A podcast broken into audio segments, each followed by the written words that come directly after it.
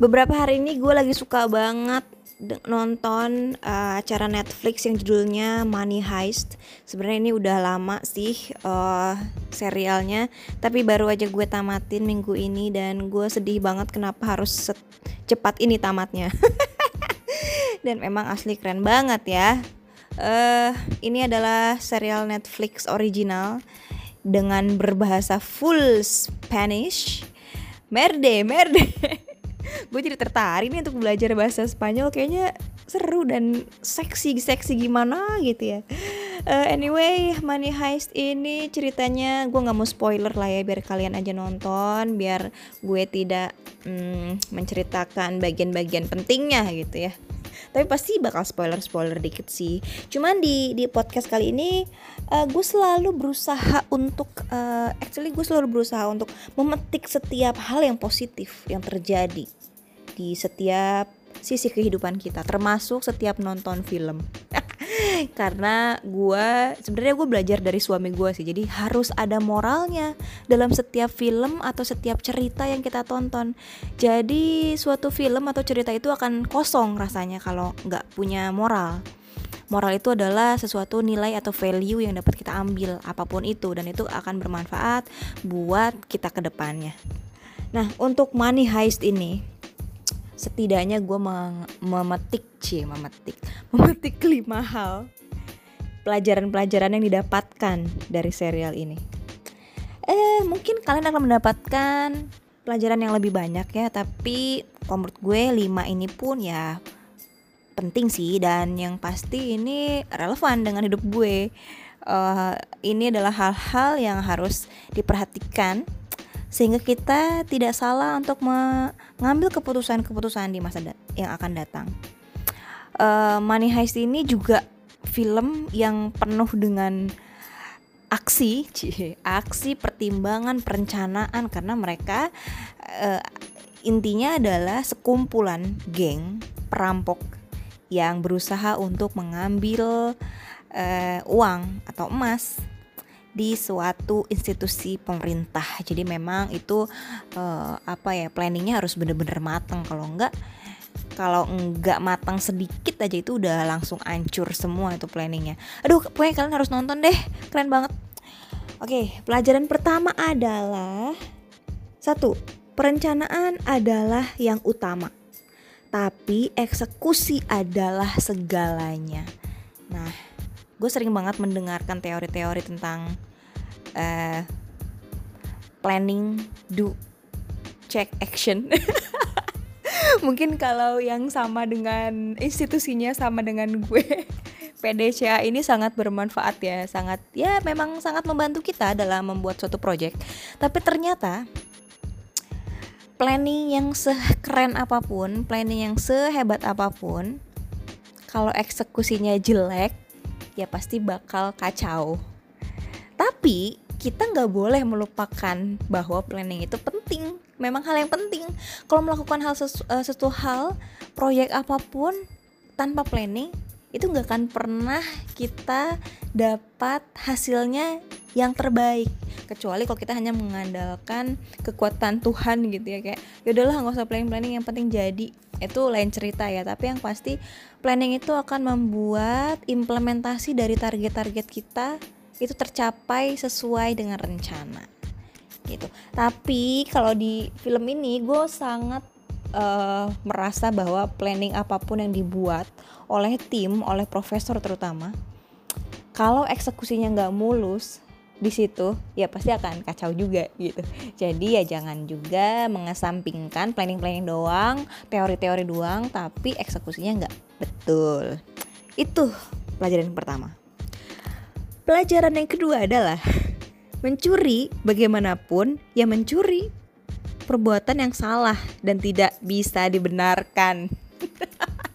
ini harusnya gue naruhnya di nomor 5 nih tapi ya sudahlah gue taruh di nomor 2 karena pada dasarnya sih gue nggak setuju kalau mereka menganggap bahwa mencuri uh, bank eh merampok bank atau mencuri mencuri emas itu adalah suatu hal yang diperbolehkan gitu ya. Meskipun si profesor sih bilangnya apa bedanya dengan Bank Dunia dan lain-lain sebagainya yang mereka membuat mencetak uang berjuta-juta euro gitu kan. Sementara uangnya masuk ke orang-orang kaya juga gitu. Ya ya udahlah ya gue kan nggak ngerti juga tentang financial things yang seperti itu. Tapi intinya kalau nyuri ya udah salah gitu. Gak usah maksain kalau lo uh, punya excuse apa pun. Yang mencuri ya tetap salah mencuri. Jadi itu ya salah di mata hukum Oke, pelajaran yang ketiga. Tiga, cinta dan bisnis atau profesional itu sebaiknya tidak disatukan. Ini sebenarnya udah jelas banget, udah clear banget dikasih tahu sama profesor. Oh iya, gue tuh belum cerita juga ya profesor itu siapa. Profesor itu adalah otak dari segala eksekusi perampokan dan pencurian yang mereka lakukan di film Money, Money Heist ini jadi memang dia itu pinter banget dan dia yang planning semua hal serinci mungkin dia plan dari A, B, C, D, F, G apa pun yang kemungkinan terjadi itu sudah dia rencanakan. Termasuk untuk uh, mencegah timnya memiliki hubungan spesial satu, satu sama lain. Tapi ya namanya juga film ya kan nggak rame kalau nggak ada drama gitu kan. Jadi ada satu dua orang di situ termasuk dia juga pada akhirnya itu terjebak dalam suatu hubungan percintaan dan memang hubungan percintaan dan profesional atau pekerjaan itu tidak bisa disatukan karena pada saat eksekusi itu akan selalu berbenturan uh, kepentingan dan berbenturan feeling-feelingnya. Nah ini juga pelajaran nih bagi kita, cie bagi kita.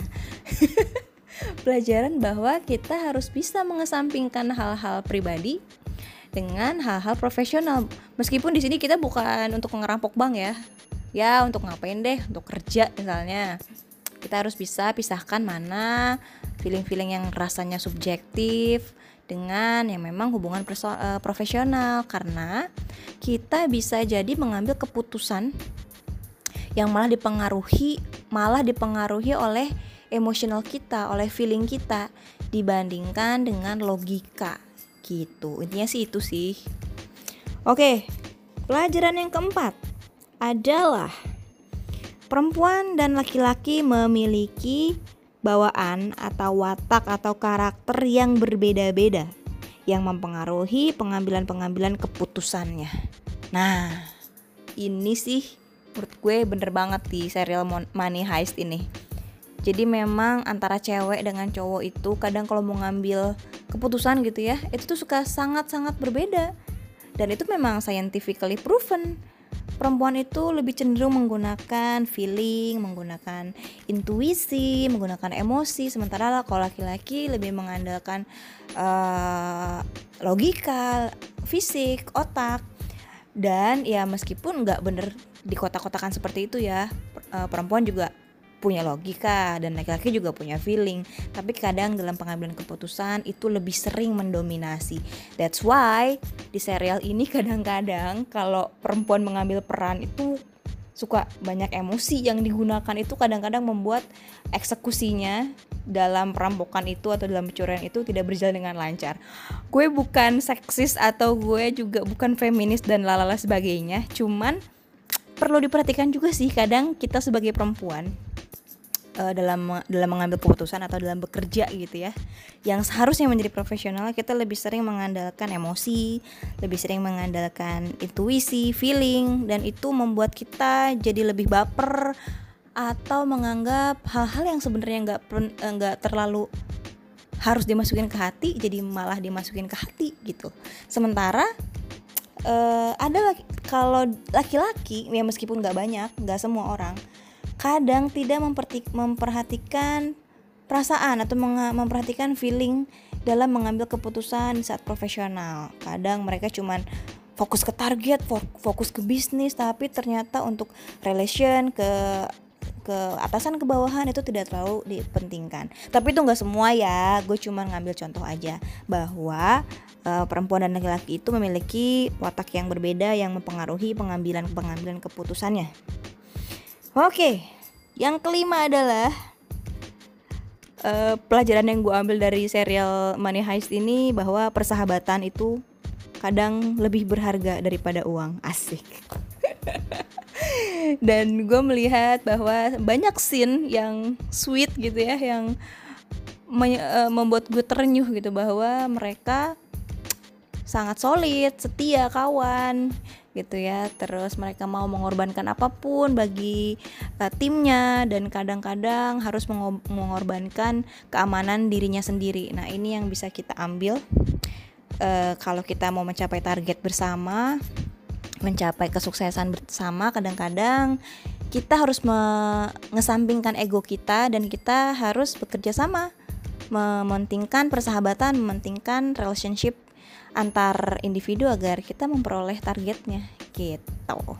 Ih, gila, berfaedah banget gak 5 poin pelajaran ini dari Money Heist? ya udah nggak usah nunggu lama lagi. Kalian nonton aja. Soalnya seru banget sih. Nanti kita tunggu season selanjutnya di tahun 2021 ya kalau nggak salah. Oke okay, see you again in my next podcast. Bye